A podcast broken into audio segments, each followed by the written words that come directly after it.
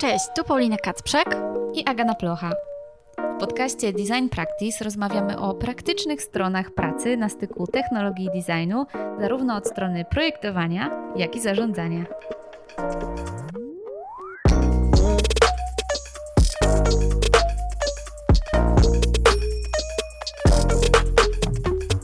W odcinku porozmawiamy o tym, jak właściciele studia projektowego Super Super stali się twórcami startupu, który zatrudnia ponad 200 osób i sprzedaje produkty w całej Europie. Jak rozwija się firmę, która zrewolucjonizowała rynek mebli parametrycznych w Europie, o wyzwaniach pojawiających się wraz ze wzrostem firmy, o współpracy z inwestorami, o tym, jak design wpływa na biznes i o systemie wartości, który tylko wypracowało przez lata. Naszymi gośćmi są Hanna Kokczyńska i Jacek Majewski, współzałożyciele Tylko.com. Hania obecnie pełni rolę Chief Culture Officer, a Jacek co-CEO. Oboje są również założycielami studia projektowego Super Super. Hania studiowała wzornictwo i socjologię, a Jacek zarządzanie. Prywatnie są rodzicami trójki dzieci. Cześć! Cześć. Cześć. Witamy Was serdecznie w naszym podcaście. Na początek pytanie na rozgrzewkę. Co ostatnio czytaliście? Komiksy. No tak, dużo komiksów ostatnio czytamy. Książek, e, no to sporo różnych biznesowych książek, które e, mm, no, staramy się edukować się dodatkowo, więc tam od klasyki e, gatunku jak no, The Goal, przez różne artykuły Harvard Business Review, no, takie miejsca, gdzie można trochę podciągnąć swoją wiedzę e, odnośnie różnych tematów, no, głównie związanych z zarządzaniem, no bo to jakby jest chyba nasze naj, pole, w którym naj, naj, najwięcej potrzebujemy e, zaciągać wiedzy. A jednak o tych komiksach chciałabym, bo mamy trójkę dzieci. E, No i jak się ma dzieci, no to jest niesamowita część e, taka, że można wrócić do swojego dzieciństwa i jeszcze raz przeżywać takie odkrywanie rzeczy na nowo. No i na przykład ja jako dziecko byłam wielbicielką komiksów, no ale nie było ich tak dużo e, dostępnych. No takie kilka podstawowych e, tytułów. No i teraz jak mam dzieci, okazało się, że w takim drobnym nakierowaniu one też się zajarały komiksami. No i dzięki temu mogę na nowo sobie czytać.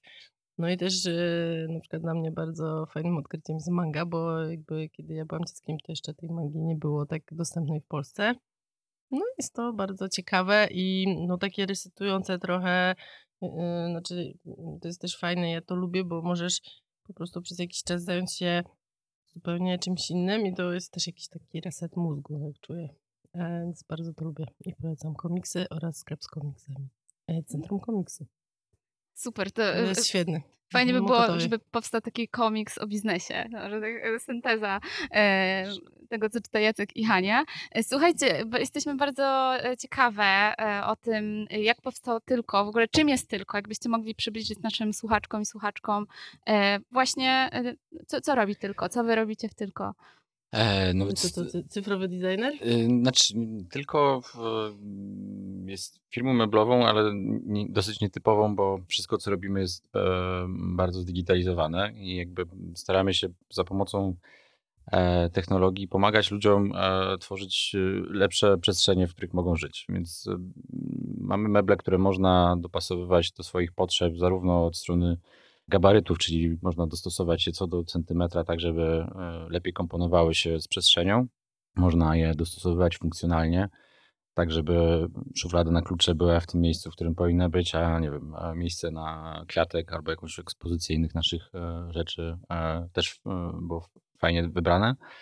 No i oczywiście estetyka, która e, też jest ważnym elementem, więc w tych trzech wymiarach jakby pozwalamy ludziom stworzyć e, me- meble. Głównie są to meble do przechowywania e, różnych e, rzeczy, czyli od e, mebli, które mamy w salonie, gdzie bardziej chodzi o ekspozycję e, i trochę chowanie rzeczy, przez e, meble do, do sypialni, gdzie są szafy, w których no już głównie chodzi o chowanie rzeczy i organizowanie naszych ubrań.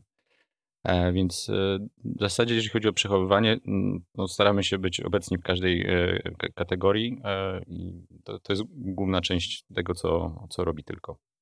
Mm, Chyba jeszcze warto dodać, że zaczynaliśmy parę lat temu dobrych, e, no to w ogóle to było, teraz to się powoli staje standardem, ale sprzedaż mebli przez internet e, całkowicie, po, znaczy sprzedaż bez e, fizycznych showroomów, bez żadnego kontaktu z fizycznym produktem, no była bardzo odważnym i mm, no takim pierwszym, jednym z pierwszych tego typu pomysłów na rynku. Oczywiście ten rynek teraz się zmienia i wiele już jest firm meblowych całkowicie online. No, ale myślę, że to też jest ważna część tego, co robimy, Znaczy, tak? to, to jeszcze by dopowiedzieć, jakby jak to działa, to e, mm, za pomocą naszej strony internetowej bądź aplikacji e, wchodzimy w konfigurator e, mebla dan- danej kategorii, która, która nas interesuje, no i, i tam dokonujemy zmian, które są dosyć proste, w sensie to nie jest, e, nie potrzeba e, doktoratu z projektowania mebli, żeby coś tam fajnego dla siebie zrobić, to po prostu kilka suwaków, którymi można się pobawić i, i znaleźć coś, co nam odpowiada. No i jakby moment, w którym ten efekt jest zadowalający i podejmiemy decyzję o zakupie, no my się zajmujemy całą resztą też, czyli tym, żeby ten mebel e, w formie plików przenieść do fabryki, e, tam, żeby to zostało wyprodukowane, spakowane, żeby była też wydrukowana instrukcja, w której jest krok po kroku pokazane, jak, jak, jak mebel się składa.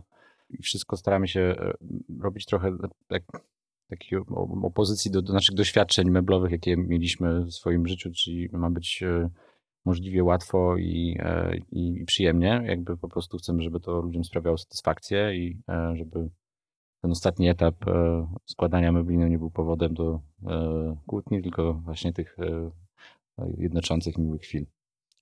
To ja jeszcze jedną ostatnią rzecz dodam.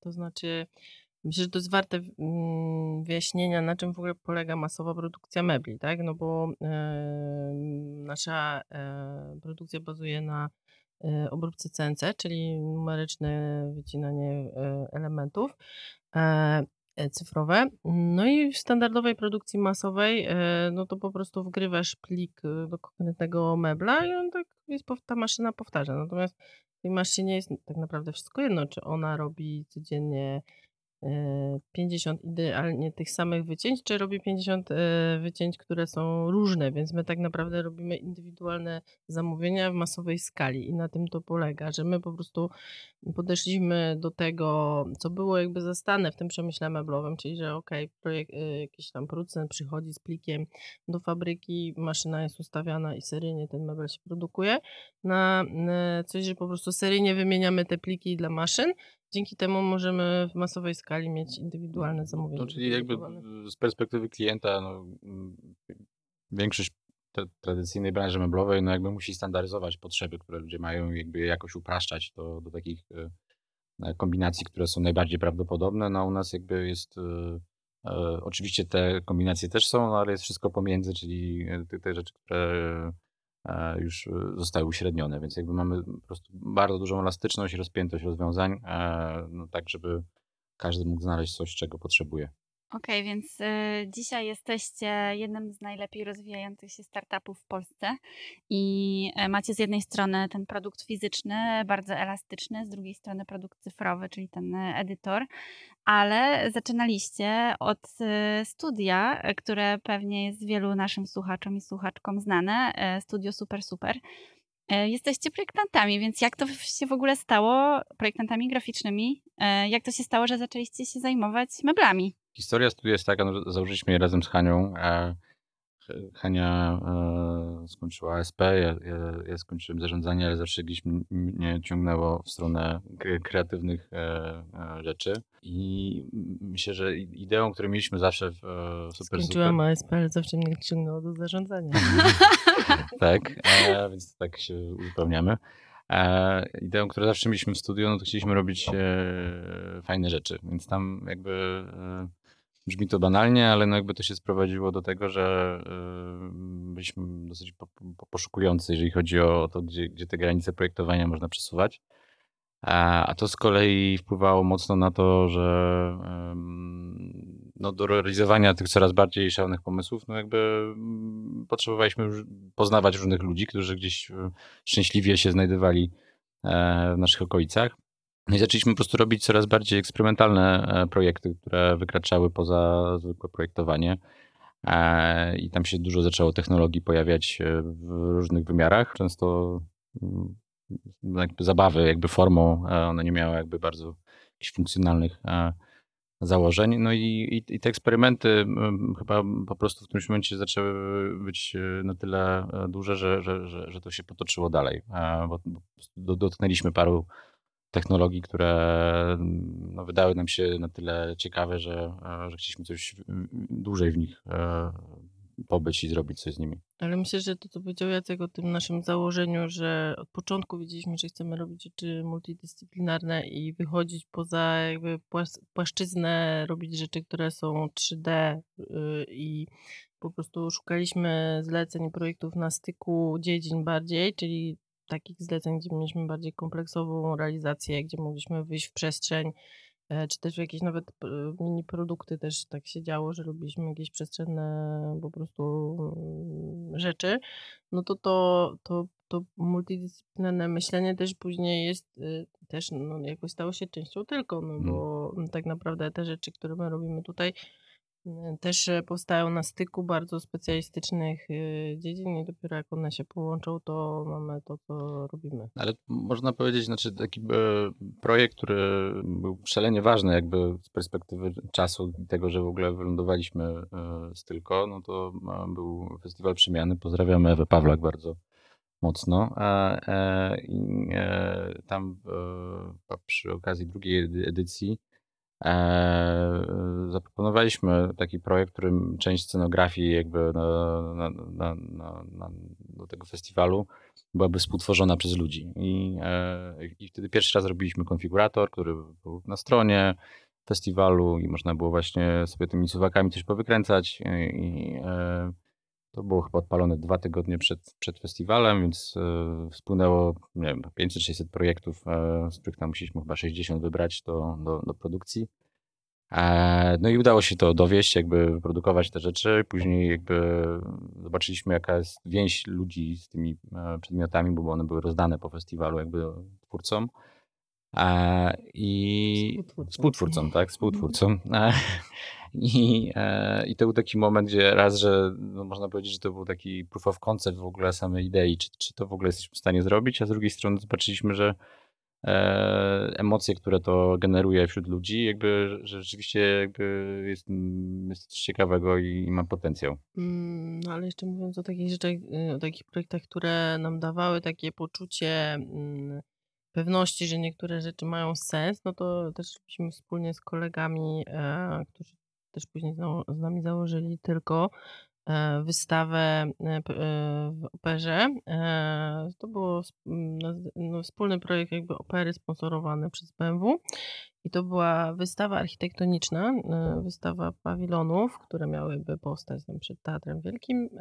W każdym razie my zrobiliśmy ją całkowicie wirtualnie, tak? I zrobiliśmy ją w całości w AR-ze, czyli ludzie wchodzili do pustego pomieszczenia, gdzie były postumenty, na których były tylko mark- e, znaczniki do AR i to było oczywiście wiele lat temu, no dzisiaj to jest normalna rzecz, wszędzie jest rozszerzona rzeczywistość, ale nie wiem, 10, ponad 10 lat temu mm, tak. to było po prostu y, naprawdę y, bardzo duży, to był eksperyment, my nie byliśmy pewni, jak ludzie się odnajdą w ogóle w y, kontakcie z wirtualną rzeczywistością. Nie byliśmy pewni, czy to nie jest wykluczające dla jakichś grup. No i patrzyliśmy na to, jak to działa. Było to niesamowite po prostu, jak jednak to działało.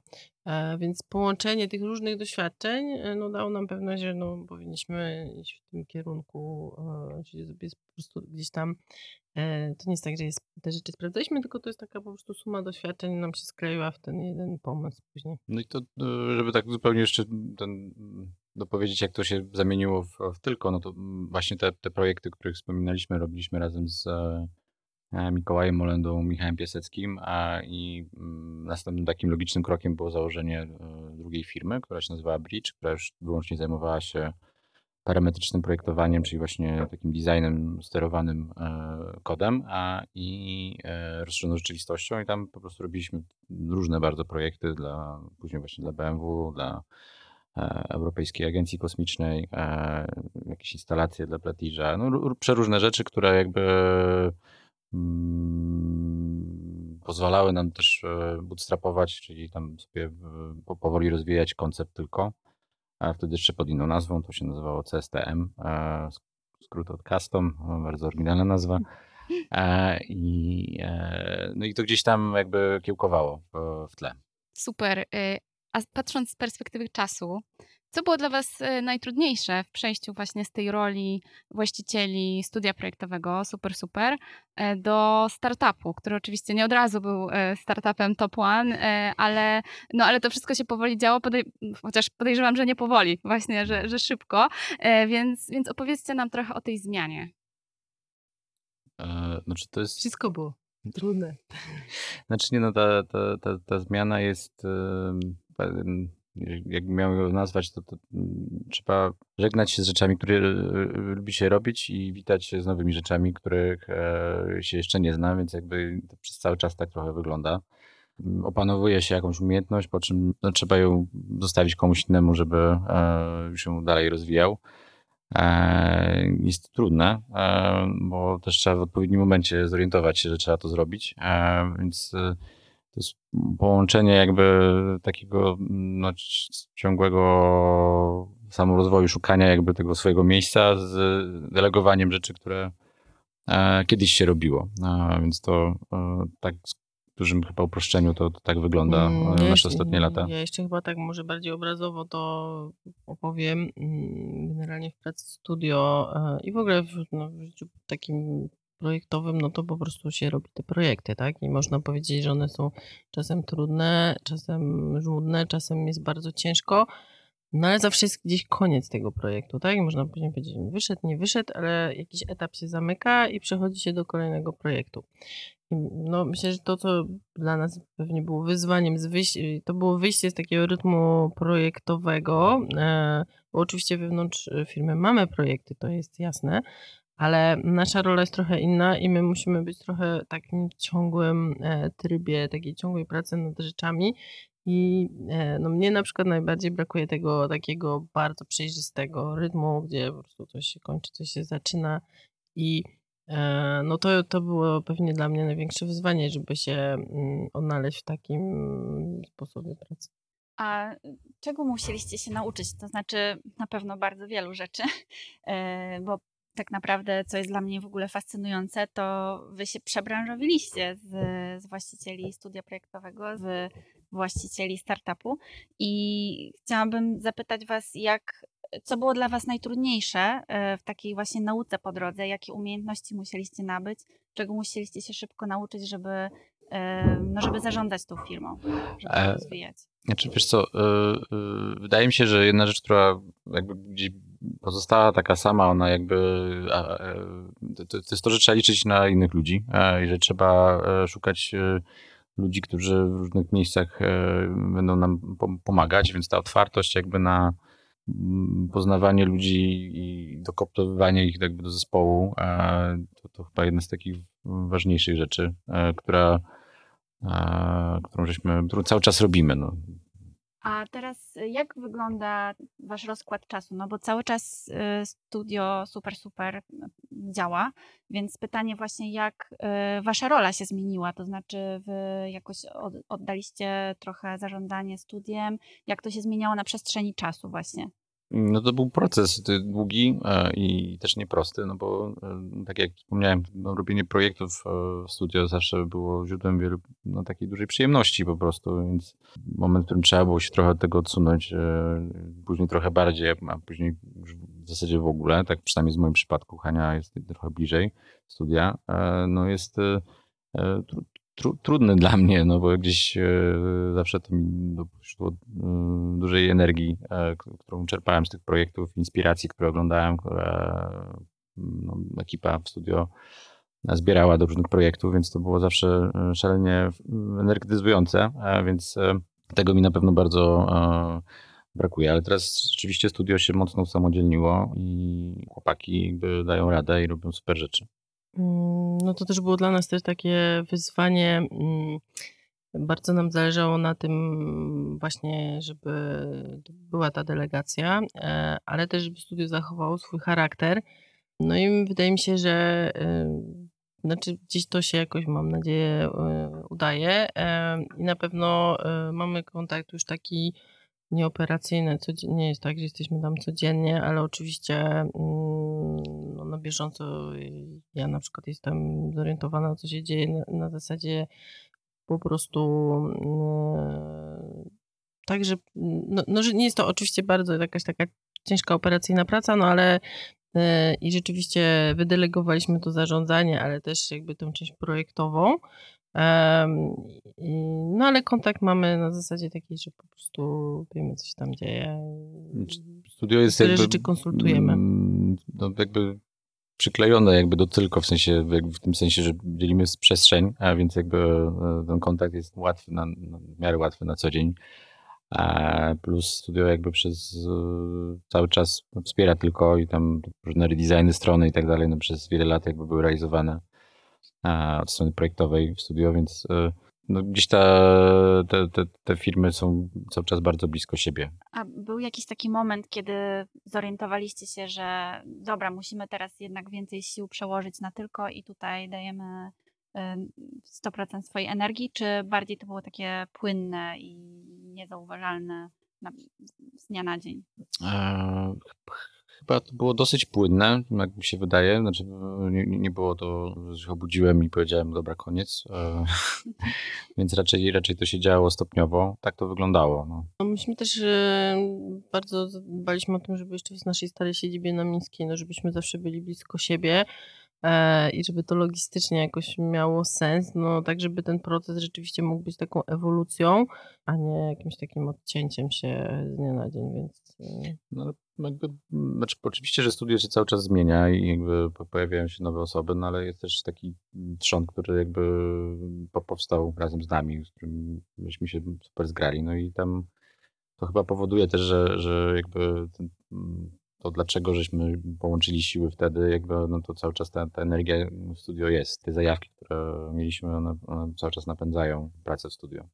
Patrząc e, na tylko teraz, e, jesteśmy ciekawe, co odegrało największą rolę albo odgrywa e, w tym, że tylko jest tak dużym sukcesem. Czy to był networking, może innowacja, którą wdrożyliście, e, a może właśnie dobór wspólników, bo ty Jacek wspominałeś o tym, że trzeba było się otworzyć na Mhm. ludzi, e, więc, e, więc powiedzcie, który dla was tak osobiście z czynników wpłynął na ten sukces? E, Na pewno bez e, naszych wspólników to mm, w sensie w ogóle nie było możliwe, bo każdy wniósł coś bardzo unikalnego, a i, i ta, ta siła właśnie mm, zespołu founderskiego jakby pozwoliła w ogóle myśleć o, o skali, w której jesteśmy w tej chwili, więc to myślę, że jest e, numer jeden. A, a jeżeli chodzi o sam sukces, myślę, że to, że dosyć szybko zorientowaliśmy się, że mm, technologia to jest y, coś fajnego dla nas, Dla nas. e, i że trzeba ją rozwijać, i jakby jest potrzebna, ale to, że klienci jednak szukają e, na koniec mebli e, i jakby jakiejś narracji brandu, tego jak to, jak całokształt jest odbierane.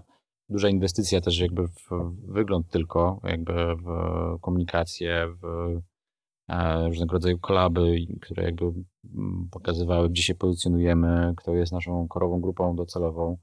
A myślę, że te rzeczy były bardzo ważne, e, żeby się rozwinąć, więc e, to myślę, że my to po prostu też wynieśliśmy właśnie z tych lat naszej działalności projektowej, plus pewnie no, Mikołaj, e, nasz wspólnik, który jest z zawodu architektem i też bardzo e, długo e, robił projekty i też przez jakiś czas robiliśmy je razem.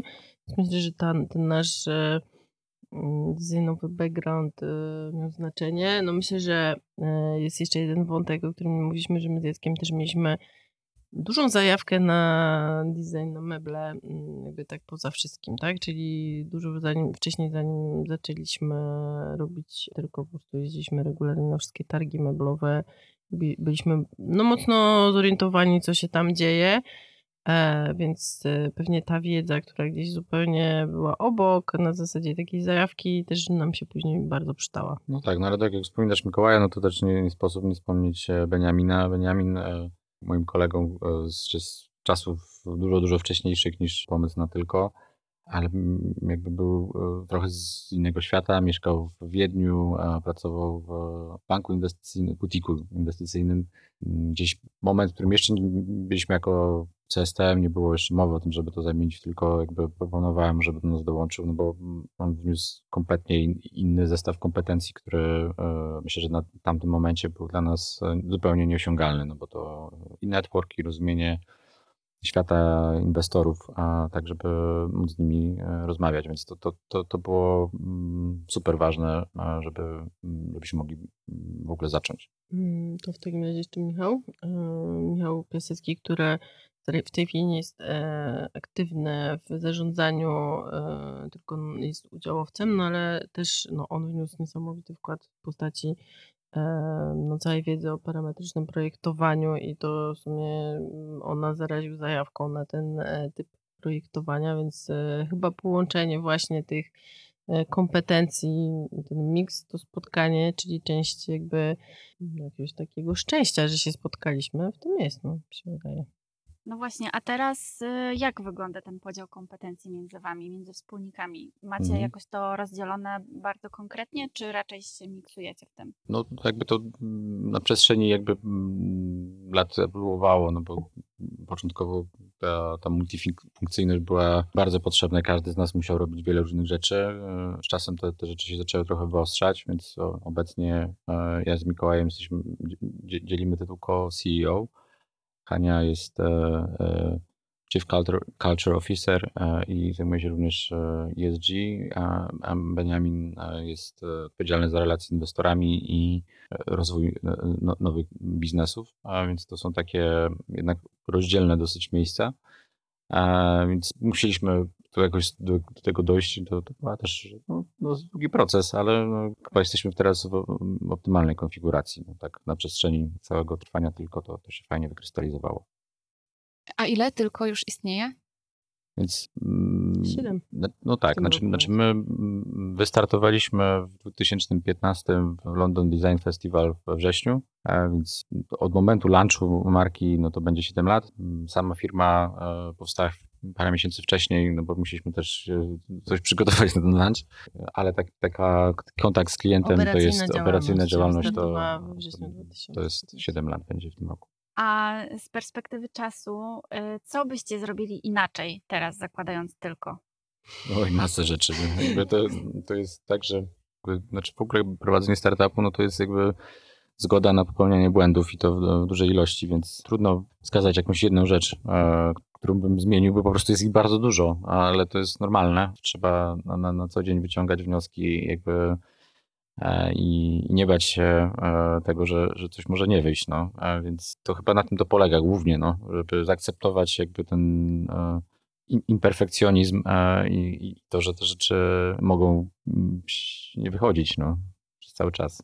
A czy jest coś, co doradzilibyście osobom, które myślą o własnym biznesie? Jakaś taka złota rada albo nie wiem, sposób myślenia o tym? Mm, ja myślę, że to jest dokładnie to, co powiedział Jacek, czyli zgoda na to, że niektóre rzeczy nie wychodzą i bardzo duży poziom elastyczności. E, no i oczywiście, znaczy to jest już, nie wiem, czy to można wypracować, nauczyć się, no ale myślę, że też u nas ta duża skłonność jednak do podejmowania ryzyka e, gdzieś tam była i w wcześniejszych naszych projektach, czyli Wydaje mi się, że trzeba być po prostu gotowym na różne scenariusze. No my byliśmy w różnych momentach, czyli też takich nieciekawych. E, no i po prostu rozumieć, że to jest część tego procesu, tak? Myślę, że to jest na pewno coś, co trzeba sobie umieć, znaczy przepracować i rozumieć to. Pytanie było dosyć otwarte, mówisz o biznesie, więc jakby tutaj różne rzeczy jakby e, się mieszczą. Na pewno e, jakby prowadzenie studia, prowadzenie tylko to są kompletnie różne rzeczy. My nie mieliśmy e, e, zielonego pojęcia, jakby jak to się zaczynało, jak bardzo skomplikowane to będzie i jak bardzo pochłaniające i jak bardzo trzeba się jednak oddać temu, jeżeli chce się coś osiągnąć. E, więc e, no, to jest coś, co trochę się konsumuje. No. Jakby trzeba się z tym liczyć. Jeśli ktoś ma ochotę wejść w taki świat, no to, to no, no są pewne konsekwencje, które mhm. się z tym wiążą. A właśnie wspomniałaś, Hania, o takich nieciekawych momentach. Moglibyście trochę więcej opowiedzieć o tym, jakby co, z czym się mierzyliście i jak, jak hmm. to gdzieś tam e, pokonaliście? No, no słuchajcie, no sam początek był bardzo trudny, no jakby E, mieliśmy Mało kasy. mało kasy, mieliśmy zerową wiedzę, jak sprzedawać rzeczy przez internet. E, e, mieliśmy raczkujący e-commerce, że wiele rzeczy było no, bardzo jeszcze na wstępnej fazie i proste. E, nie, nie, z perspektywy klienta nie, nie, jakby ta oferta nie była dopracowana, e, więc no, sam początek mógł się dosyć szybko skończyć, można tak powiedzieć, że e, jakby to, to, że nam się udało, no, przejechaliśmy szorując już bardzo mocno e, e, brzuchem e, po ziemi. Nie wiadomo było, czy się uda. Może już nie aż tak tak dramatycznych, e, dramatycznych było jeszcze może. parę, ale i mamy świadomość, że zawsze one się mogą pojawić, no bo jednak ta dynamika prowadzenia startupów, szczególnie w tej ścieżce finansowanego przez e, fundusze inwestycyjne, jest, no, profil ryzyka po prostu jest dużo większy niż biznes, który myśmy sobie sami powoli e, rozkręcali.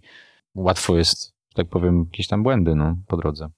A no właśnie, nie mieliście pojęcia o wielu rzeczach, to skąd się ich uczyliście? Czy sami się uczyliście tego gdzieś tam z jakichś źródeł, książek, internetu, czy bardziej poprzez na przykład zatrudnianie odpowiednich specjalistów, czy może właśnie mieliście wsparcie od y, inwestorów w tych kwestiach? Wszystko na raz. Chyba wszystko naraz. Na, na pewno czerpanie jakby z doświadczeń innych ludzi jest, e, jest bardzo fajne, bo jakby oni przez coś przeszli, więc jakby to, to, co sugerują, jakby jak działać, udowodnione w jakimś stopniu, więc to na pewno pomaga, no ale też naprawdę trzeba mm, sporo czytać o tym, jak się firmę prowadzi, jakiego problemu, jakiego typu problemy się pojawiają i jak, jak e, je adresować. No i inwestorzy też bardzo nas wspierają, jakby w sensie udało nam się dosyć fajną ekipę e, znaleźć i od samego początku mieliśmy takich ludzi, którzy jakby czasami jakby w dosyć kategoryczny sposób mówili, co jest nie tak, ale jakby zawsze to, to było w końcu coś pozytywnego, bo żeśmy po prostu gdzieś łapali fokus na jakiś obszar, który w danym momencie nie był dobrze przez nas rozkminiony, no i, i koncentrowaliśmy się tam, żeby się czegoś nauczyć, zrozumieć i, i pójść dalej, więc to, to wyglądało. Mm, No i ja bym chyba jeszcze podkreśliła, znaczy z mojej perspektywy, no to jest też tak, że ta teoria jest i ona jest ważna i trzeba czytać, trzeba być na bieżąco, ale wydaje mi się, że bycie otwartym na to, co inni ludzie mają do powiedzenia, którzy już gdzieś tam byli, jest bardzo, bardzo i takie uważne słuchanie, no jest bardzo potrzebne, tak? Czyli to to przynajmniej dla mnie y, też bardzo wzmacniająca część tego, tej, tej nauki, tak? y, Rozmowa z ludźmi. E, To e, wspomnieliście o tym, e, z czym się mierzyliście na początku, że były nieciekawe momenty, trudne dla Was. E, Czy te problemy się zmieniają z, wzraz, e, ze wzrostem tylko? Z czym się teraz mierzycie? Jakie są teraz Wasze wyzwania? Teraz, e, no niestety, nie, nie żyjemy w zbyt ciekawych czasach, więc jakby mamy e, wojnę, która ma duży wpływ e, na to, jak ludzie się zachowują, nie wiem, na poczucie pewności tego, czy chcą kupować rzeczy, czy nie kupować, więc jakby to, to jest y, jedna z rzeczy, które wpływa z drugiej strony. I okres pandemii i, e, i teraz e, jeszcze wojny to jest też czas, kiedy łańcuchy dostaw, czyli no jakby skąd płyną materiały, nie wiem, jak działają kontrahenci, którzy są potrzebni, żeby realizować nasze projekty.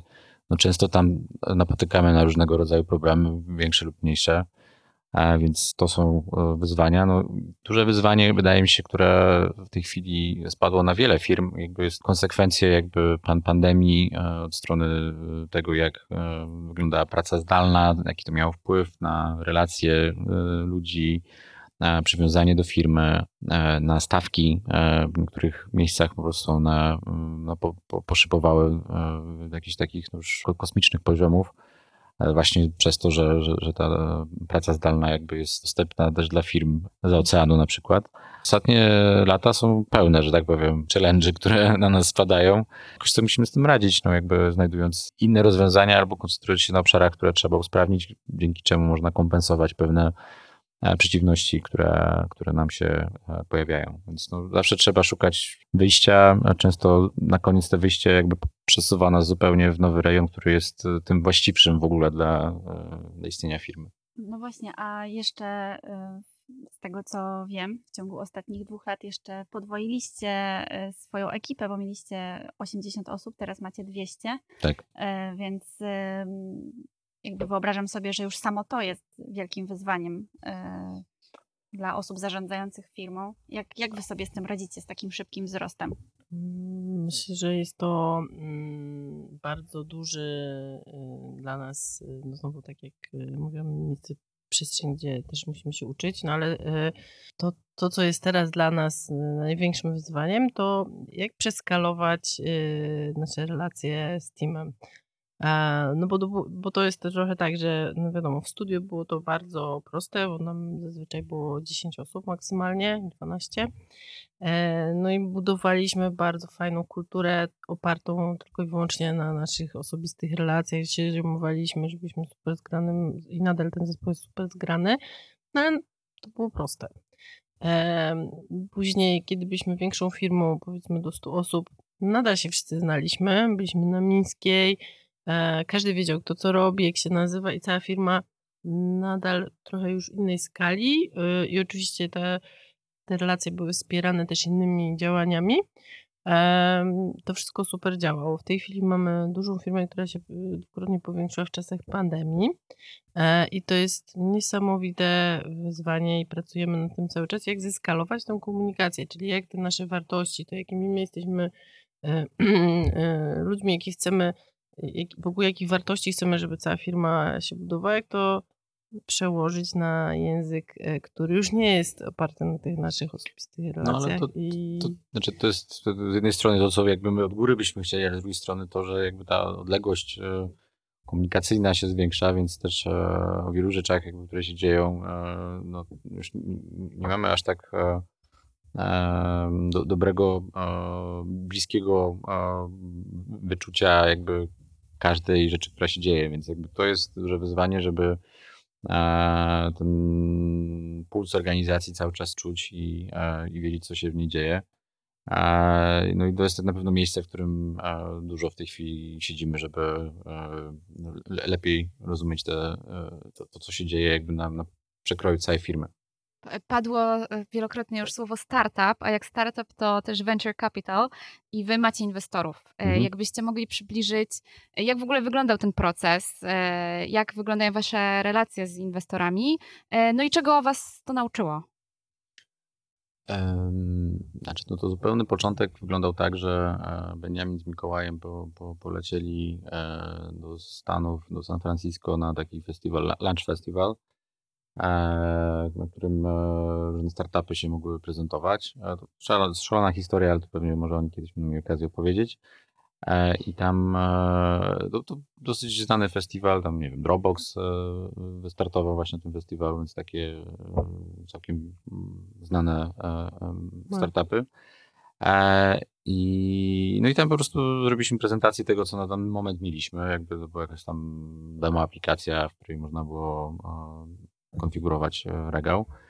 E, I to dało do, dosyć dużą siłę napędową, bo się pojawili zainteresowani inwestorzy, najpierw ze Stanów, a później e, finalnie wylądowaliśmy z inwestorami z Berlina.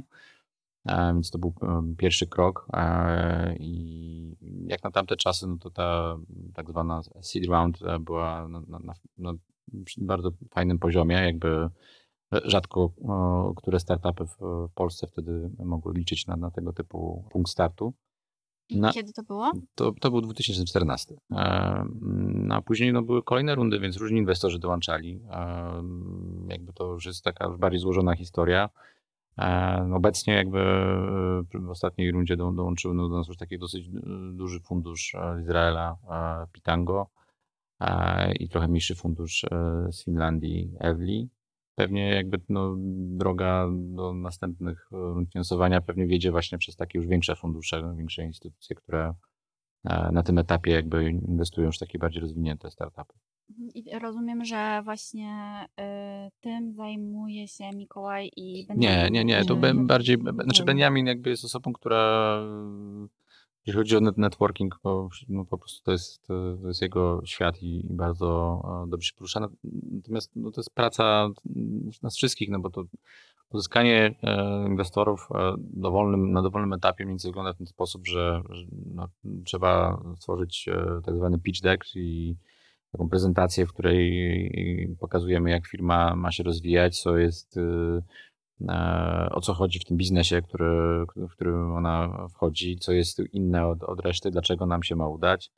Więc tam jest mm, bardzo skondensowana cała, cała jakby idea e, tego biznesu z też mm, wyliczeniami, e, które pokazują, jak ten model biznesowy może funkcjonować. Oczywiście ten tak na przestrzeni lat mocno ewoluuje, no bo jakby e, uczymy się i wiemy bardziej, gdzie dalej chcemy jechać z tym, z tym biznesem.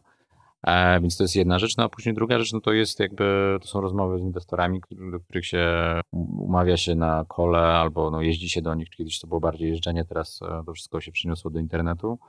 E, jest mm, taka pierwsza faza jakby pokazywania tego deka, jeżeli oni są zainteresowani, no to później cały no, większy zespół zaczyna w to wchodzić i jesteśmy też to zaangażowani operacyjnie, żeby prezentować firmę. E, więc w dużym skrócie tak, tak, tak to wygląda. No później to jest oczywiście proces e, e, tak zwanego due diligence, jeżeli już jest jakiś inwestor zainteresowany, no to on po prostu sprawdza jakby kondycję spółki. Jest to duży audyt finansowy, audyt różnych obszarów, obszarów czy, czy też związanych z legalem, czy, czy z jakimiś patentami i tak dalej. No, no po prostu taki skan 360 firmy, żeby wiedzieć, czy nie ma jakichś trupów w szafie. E, no i jeżeli ten, e, ten due diligence jest pozytywny, e, no, no, no, to później jest ostateczne podpisywanie umowy, no tam przez cały czas trwają negocjacje jakby co do tam różnych zapisów, no i no tak, tak to wygląda, no i po prostu my sprzedajemy jakiś kawałek udziału w firmę, które kupują inwestorzy za te pieniądze, które dostajemy, no to nie, nie lądują u nas w kieszeni, one są po prostu kapitałem spółce, e, za który możemy e, się dalej rozwijać, inwestować w szybszą rekrutację zespołów, realizowanie projektów, na które trudno byłoby zarobić w tak szybkim tempie e, przychodami spółki, więc jakby to te pieniądze pozwalają nagle robić po prostu dużo więcej rzeczy, sprawdzać rzeczy, popełniać błędy, co na końcu się przekłada na, na ten szybki wzrost. E, większość e, naszych słuchaczy i słuchaczek jest e, projektantami albo są związani właśnie z tą branżą, więc chciałyśmy też Was podpytać o to, jak Wy podchodzicie do projektowania tutaj, to znaczy jak rozkłada się, rozkładają się siły projektowe w tylko i, no bo macie produkt cyfrowy, mhm. macie produkt fizyczny, więc pytanie, jak tutaj te działy wyglądają, czy jest jakiś jeden dział projektowy i oni wszyscy między sobą mhm. współpracują, czy to jest jakoś po porozdzielane, jak podchodzicie właśnie do tego produktu cyfrowego. Możecie opowiedzieć trochę o tym.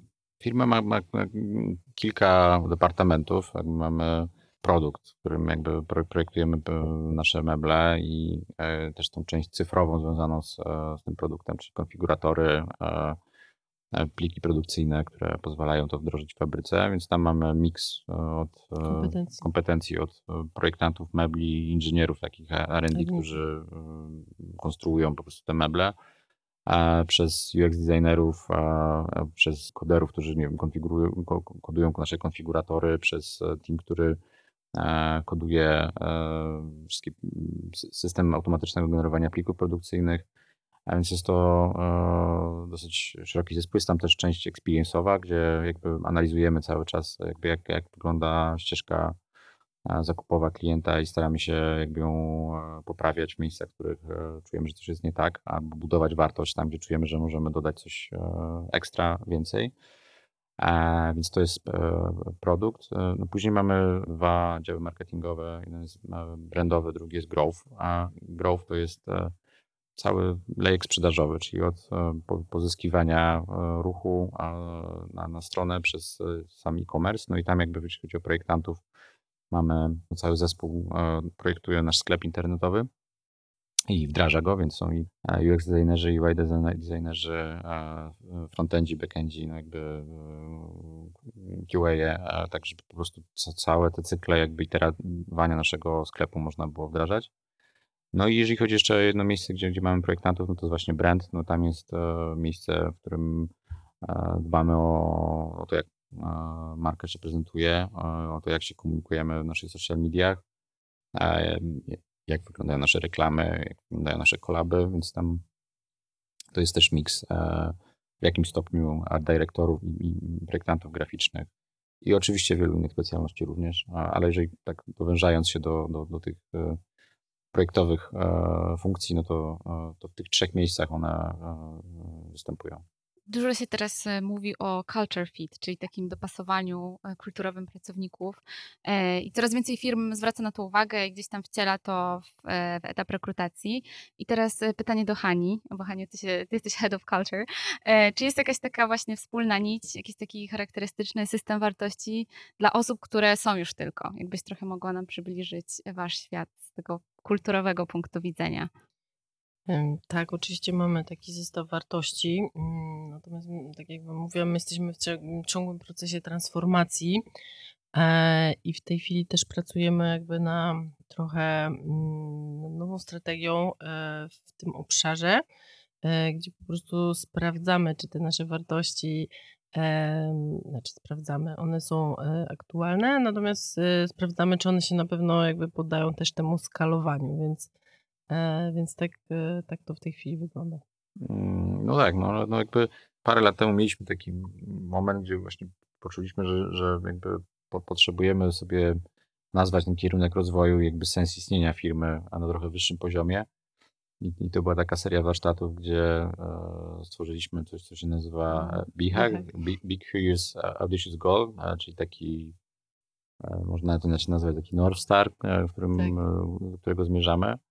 E, I wokół niego też były właśnie, no, spróbowaliśmy nazwać wartości, którymi chcemy się kierować. No i trzy, trzy takie wartości, które, wokół których budujemy. Z jednej strony jest harmonia, z drugiej strony jest responsibility, a z trzeciej to jest enlightenment. Skrócie, no to jakby harmonia jest to e, o tym, co chcielibyśmy, żeby odczuwali nasi klienci, e, czyli, ale też my, też my czyli że, żeby te, te, te, te domy czy mieszkania, w których mieszkają nasi klienci, jakby poprzez nasze meble stawały się lepsze, które dawały im energię do życia, dawały spokój tam, gdzie trzeba dać spokój, pobudzały tam, gdzie warto mieć takie coś, co bardziej nas energetyzuje. Bo wierzymy bardzo w to, że design jakby oddziaływuje na to, jak się czujemy, więc jakby jedno... Czyli przestrzeń, w której tak. funkcjonujesz, wpływa na to, jak się czujesz. Z drugiej strony ta, ta harmonia to też jest jakby zgoda z systemem wartości, jakby, które my mamy i które mają nasi klienci, więc chcielibyśmy, żeby tutaj też ludzie czuli, że e, idąc tylko e, jakby mają mm, poczucie, że te rzeczy e, się zgrywają. No i teraz przechodząc płynnie do responsibility, tutaj czujemy, że mm, no to, to, co robimy w perspektywie kryzysu klimatycznego jest bardzo ważne i chcemy... Ja jeszcze hmm? powiedzieć.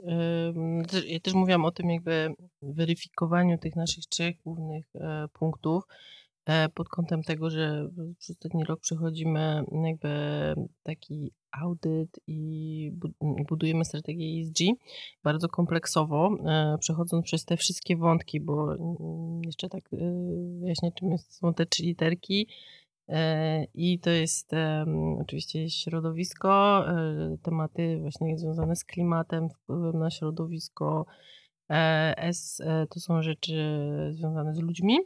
E, I tutaj mamy wszystkie wątki bycia inkluzywnym, e, wszystkie rzeczy związane po prostu i z naszymi klientami, i z tym, co się dzieje wewnątrz firmy. I literka G to jest po prostu e, governance, czyli po polsku, jak się to nazywa, ład zarządczy chyba.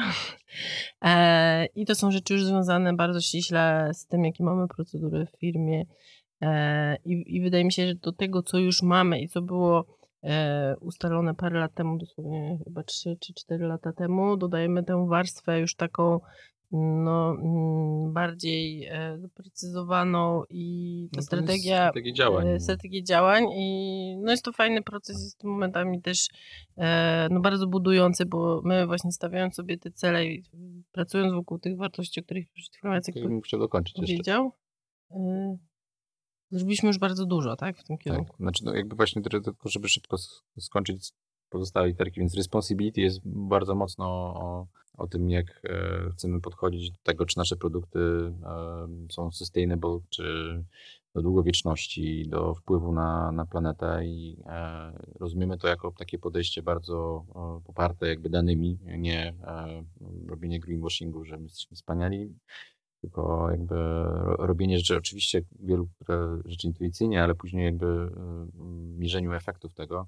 To, co Hania mówi, to jest, jesteśmy teraz w tym miejscu, gdzie się okazuje, że, że bardzo dużo rzeczy, które zrobiliśmy, jakby trafiamy w ogóle jakieś tam w punkty, jak te dyrektywy i rekomendacje e, unijne e, Wyglądają. wyglądają.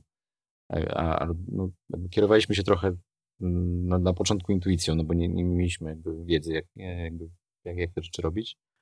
No i ostatnia literka, jeśli chodzi o nasze e, wartości, to jest e, E, enlightenment. E, I tu chodzi o to, żeby dzielić się tą wiedzą, którą zdobywamy. A to jest naj, pewnie taki najbardziej wsunięte w horyzoncie, bo to jest trudne i też nie mamy do końca zasobów, żeby jeszcze jakoś to e, super robić, ale e, no, będziemy na pewno właśnie teraz już po tym procesie jakby strategii ESG w stanie dużo lepiej e, komunikować właśnie te rzeczy i rekomendować pewnego rodzaju e, podejścia, nie wiem, do tego, jak produkujemy, jak dystrybuujemy rzeczy, z czego je robimy. E, I, I pokazywać to też innym jako jakiś pewien wzór, który Mm. można e, skopiować do innych biznesów. Myślę, że w tym, w tej literce, w tym enlightenment też mieści się to, co jakby i tak robimy, czyli y, to dzielenie się wiedzą na poziomie właśnie tym networkingowym, że spotykamy się, zgadamy z ludźmi, którzy nam doradzają, ale my też im mówimy, co się dzieje. To jest też taka forma trochę em, współpracy na przykład z podwykonawcami, gdzie e, możemy na przykład powiedzieć, że w momencie, kiedy pojawił się COVID i trochę nie było wiadomo jeszcze co robić, my też zaproponowaliśmy, jakby podzieliliśmy się wiedzą już, co tam my zrobiliśmy, bo my bardzo szybko poszliśmy do online, no to były fabryki oczywiście, ale tam parę rzeczy mogliśmy też się tym podzielić. I dokładnie teraz, kiedy będziemy już mieli e, bardzo jasno określoną tą strategię, mm, też będziemy ją propagować wśród naszych, mm, znaczy tą wiedzę i będziemy też propagować wśród naszych podwykonawców, no i to w ten sposób działa, tak? No wewnątrz firmy działa to też na takim poziomie, że dzielimy się też e, wiedzą o tym, co robimy w ramach teamów, tak? To jest też takie, co mm, robimy na co dzień.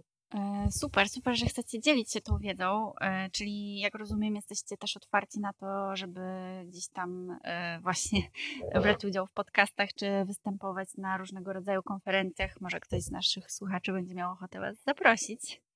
Em, No właśnie, a przy takim dużym wzroście i szybkim pewnie cały czas potrzebujecie rąk do pracy.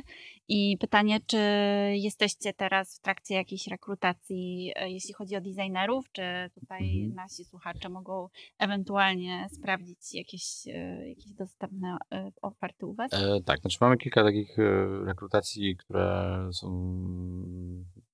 nie są proste, no bo jakby szukamy fajnego, fajnych ludzi, którzy chcieliby już ze swoimi doświadczeniami e, dołączyć do nas i e, no, mogę tutaj wymienić jakby te, te, te pozycje. Jedna z nich to jest tam senior e, digital designer, to jest e, osoba, która mm, no, chcielibyśmy, żeby odpowiadała za całokształt e, tego, jak tylko wygląda w formie cyfrowej, czyli e, zarówno rozwijała e, digital branding jakby pod, pod kątem e, naszego sklepu, ale też wszelkich innych miejsc, gdzie, gdzie się komunikujemy, więc to jest taki e, styk wielu dziedzin projektowania i umiejętność jakby łączenia ich, więc to jest też tak, no, trzeba zastanawiać się, jakie media użyć do pokazania jakichś różnych treści i tak dalej. Szukamy też UX UI e, lidera, e, team lidera, który by całą naszą część projektową jakby pokierował.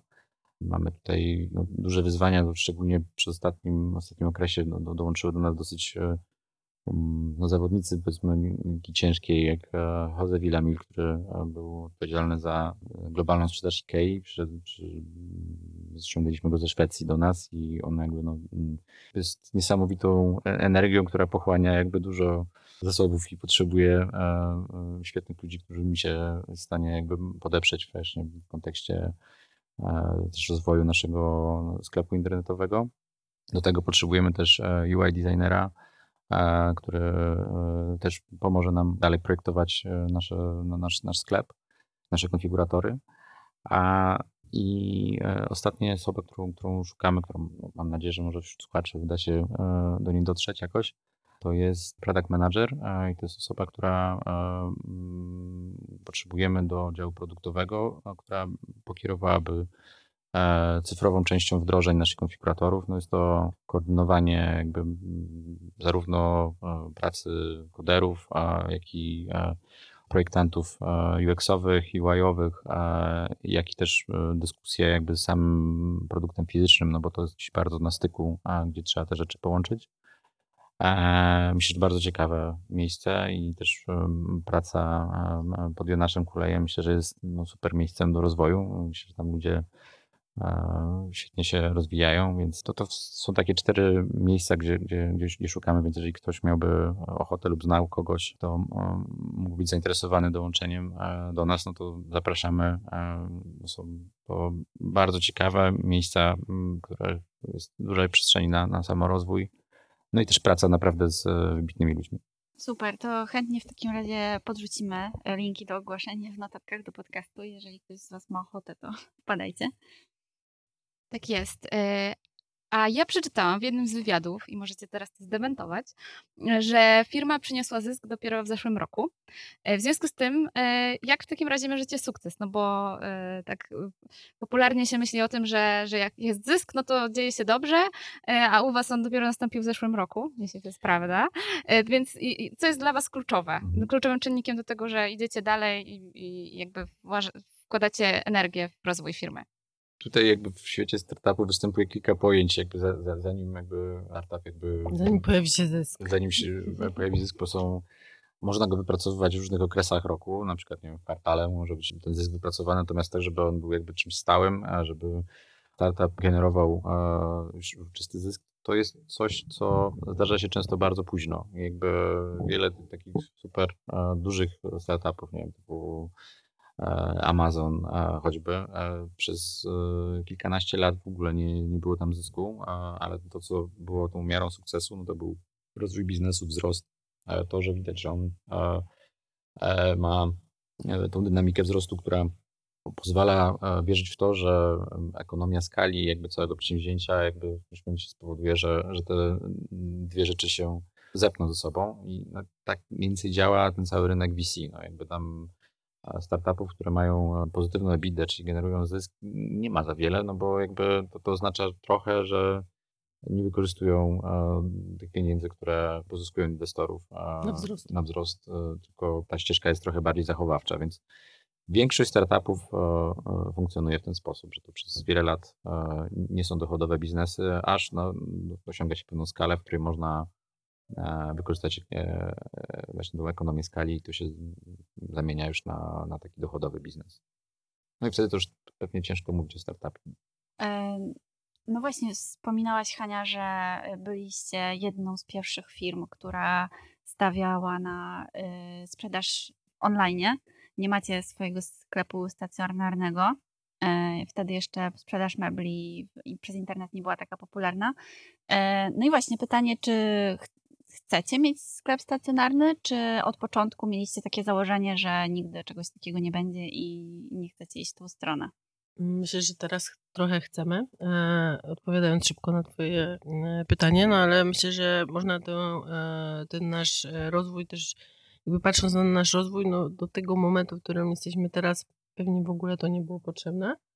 E, a teraz mamy już trochę inne cele i będziemy pewnie myśleć o tym, że pewnie na początku w Berlinie i w innych miastach w Europie będą miejsca, e, może to nie będą showroomy, ale miejsca, w których będzie nasz mebel można zobaczyć, czy meble. E, I zobaczyć je z bliska.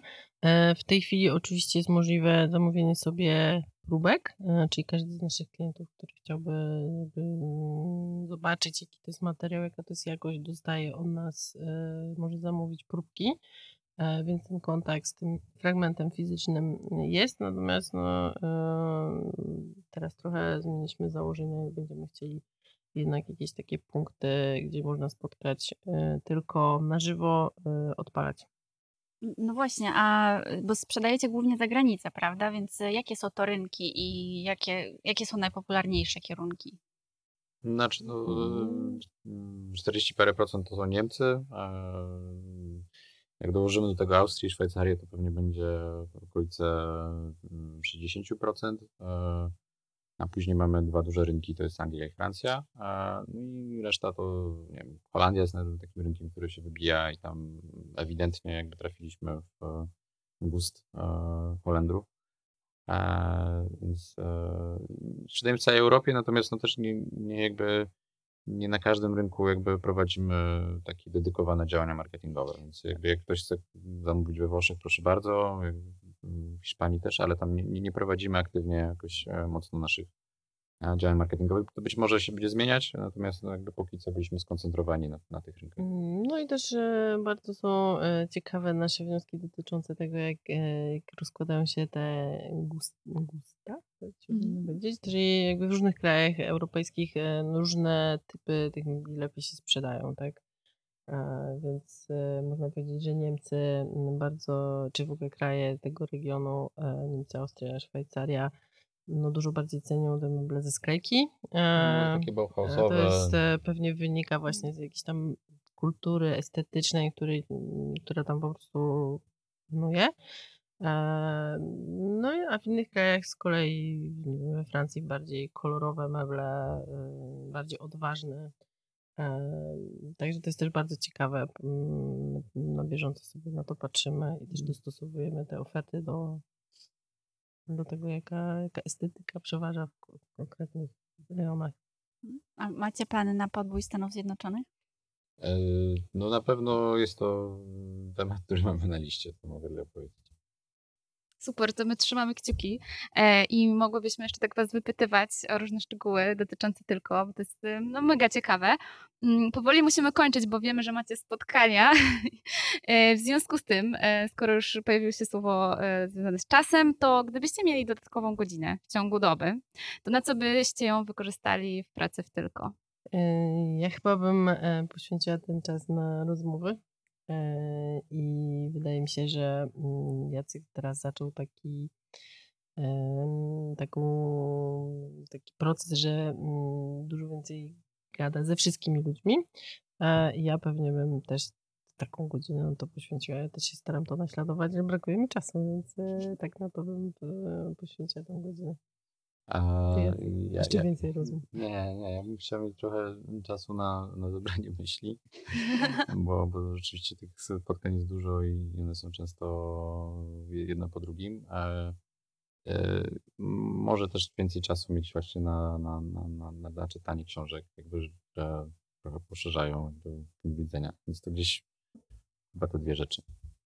Mhm. A jakie macie plany na kolejne lata? No bo rozwijacie się bardzo szybko, więc y, co teraz? Co dalej?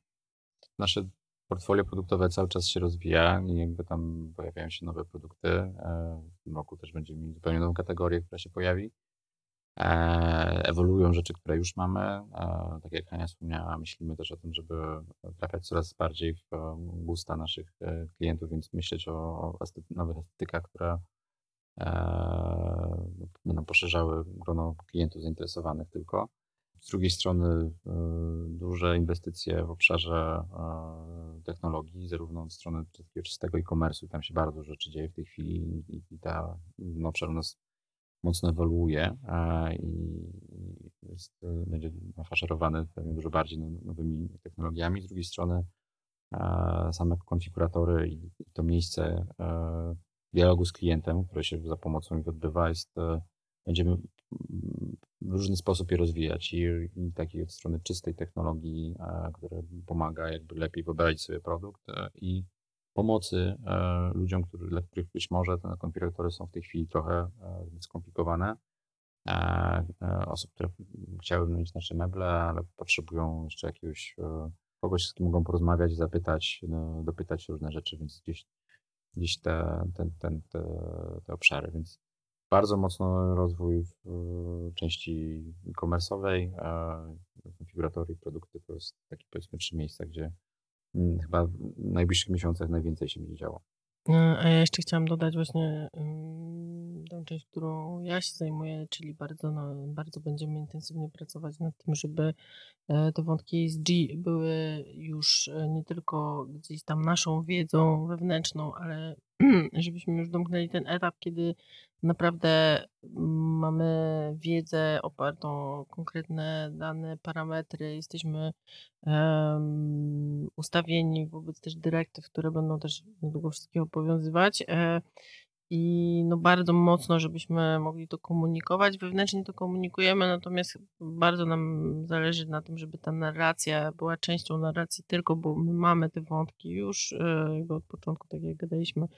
E, to, nasze, to są nasze wartości, na których tworzymy firmę, ale też teraz chcemy, żeby ten etap, kiedy o tym możemy mówić, ale w sposób nie taki e, mglisty jak niektóre firmy, tylko bardziej oparty, naprawdę otwarty, twarde dane i bar- bycie bardzo transparentnym, no to to jest też ten taki bardzo mocny cel, który mam też osobiście. To jeszcze pytanie na koniec. Y, Skąd wzięła się nazwa Tylko? E, chyba w ten sam sposób powstał jak Super Super. Sama ścieżka. No nie wiem, wydaje mi się, że tu było trochę trudniej. Nie, było trudniej. Było Eee, trudniej dużo. No, mieliśmy pewne wymagania brzegowe, które sobie po- po- postawiliśmy, które były dosyć e, trudne, e, bo chcieliśmy, żeby nazwa była krótka i żeby dało się kupić e, domenę .com. Więc to już był czas, kiedy Na przy Super Super były identyczne założenia, tylko y, do, na super.pl była zajęta, więc tak, byliśmy, No dobra, no, ale- jest nas dwoje? Dobra, zrobimy razy dwa. tak. No, no więc e, tylko to było, kiedy jeszcze było łatwiej o jakiekolwiek domenę. E, no nie, a- to było mm, 13 Tak. czy coś A, lat no jak, jak zakładaliśmy tylko już, już naprawdę było bardzo trudno, a, więc e, to, to były te, te brzegowe założenia, no i później trzeba zastanawialiśmy się, jak w ogóle to, mm, no, to nazwę myśleć, skąd, skąd ją wziąć, co ona powinna mówić. E, I mm, no tutaj e, w którymś momencie doszliśmy do takiego miejsca, że to powinno być e, coś, co z nami dobrze rezonuje, gdzie nazwa, która nam się słowo, które nam się po prostu podoba, niekoniecznie ma jakiś ogromny, ma w ogromny sposób tłumaczyć, jakby czym się zajmujemy. I to było odblokowujące, no bo zaczęliśmy właśnie szukać szerzej i pojawiło się słowo tylko, na w którymś momencie e, wpadłem, a i mi się ono podobało, bo jakiś tam przekaz ma w sobie, jakby mówi o prostocie i o tym, że jakby tych elementów po drodze jest mało. I gdzieś to jakby wydaje mi się, że bardzo na, końcu oddaje ducha tego, co robimy. No potem meble i to wszystko, co robimy, no, mocno upraszczaniu, no jakby naszym takim e, produktowym e, celem, który sobie postawiliśmy, jednym, który mierzymy, to jest, e, że nasze produkty muszą być magically easy, więc gdzieś to wszystko się skleja e, na, na y, tym poziomie prostoty, a z drugiej strony jeszcze, jeszcze jest jeden wymiar, który też wydaje mi się tutaj to, to słowo łapie. No, jakby mm, wierzymy, że ten model jakby konsumpcji, w który musimy pójść, jest trochę jednak o tym, że, że konsumujemy mniej, e, ale lepiej. Jakby kupujemy rzeczy, które są trwalsze, bardziej dopasowane do nas, które spełniają nasze oczekiwania, także nie mamy poczucia, że, że, że to był zły wybór i że trzeba coś w nim szybko zmienić i wyrzucić i zamienić na coś innego.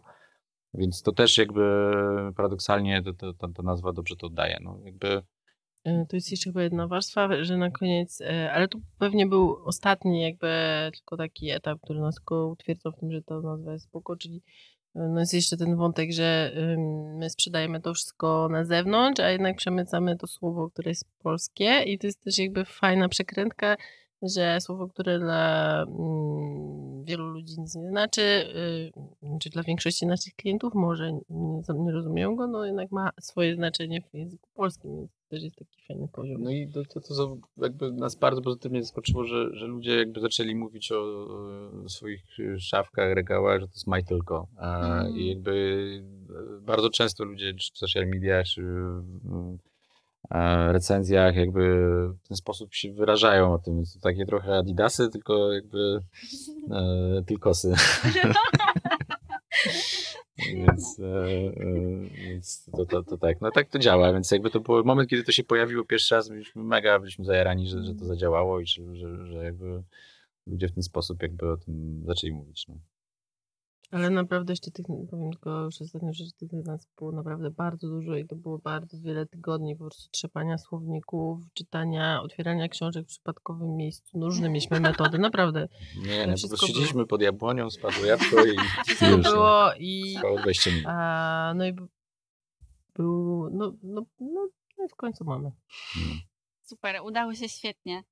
No dobrze, słuchajcie, bardzo Wam dziękujemy e, za, za rozmowę. Super macie historię, bardzo Wam gratulujemy i trzymamy kciuki za rozwój dalszy. Dziękujemy Dzięki. bardzo i dzięki za zaproszenie. Dzięki za zaproszenie Dzięki. i za rozmowę. Dziękujemy bardzo. Bardzo dziękujemy Ci za wysłuchanie tego odcinka. Notatki i linki do niego znajdziesz na naszej stronie www.designpractice.pl ukośnik 005. Znajdziesz w nich też oferty pracy z Tylko. Polecamy je Twojej uwadze. Jeśli podoba Ci się nasz podcast, koniecznie zasubskrybuj go w swojej platformie podcastowej lub na YouTubie. Będziemy też bardzo wdzięczne za feedback w postaci komentarza. A na nowe odcinki możesz liczyć w każdy pierwszy dzień miesiąca. Do usłyszenia.